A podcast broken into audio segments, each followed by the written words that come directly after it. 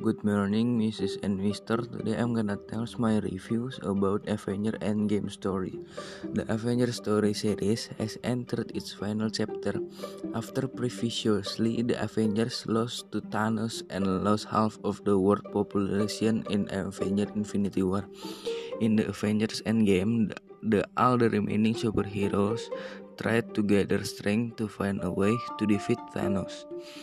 After a snap of Thanos' finger, the Earth lost half of its population.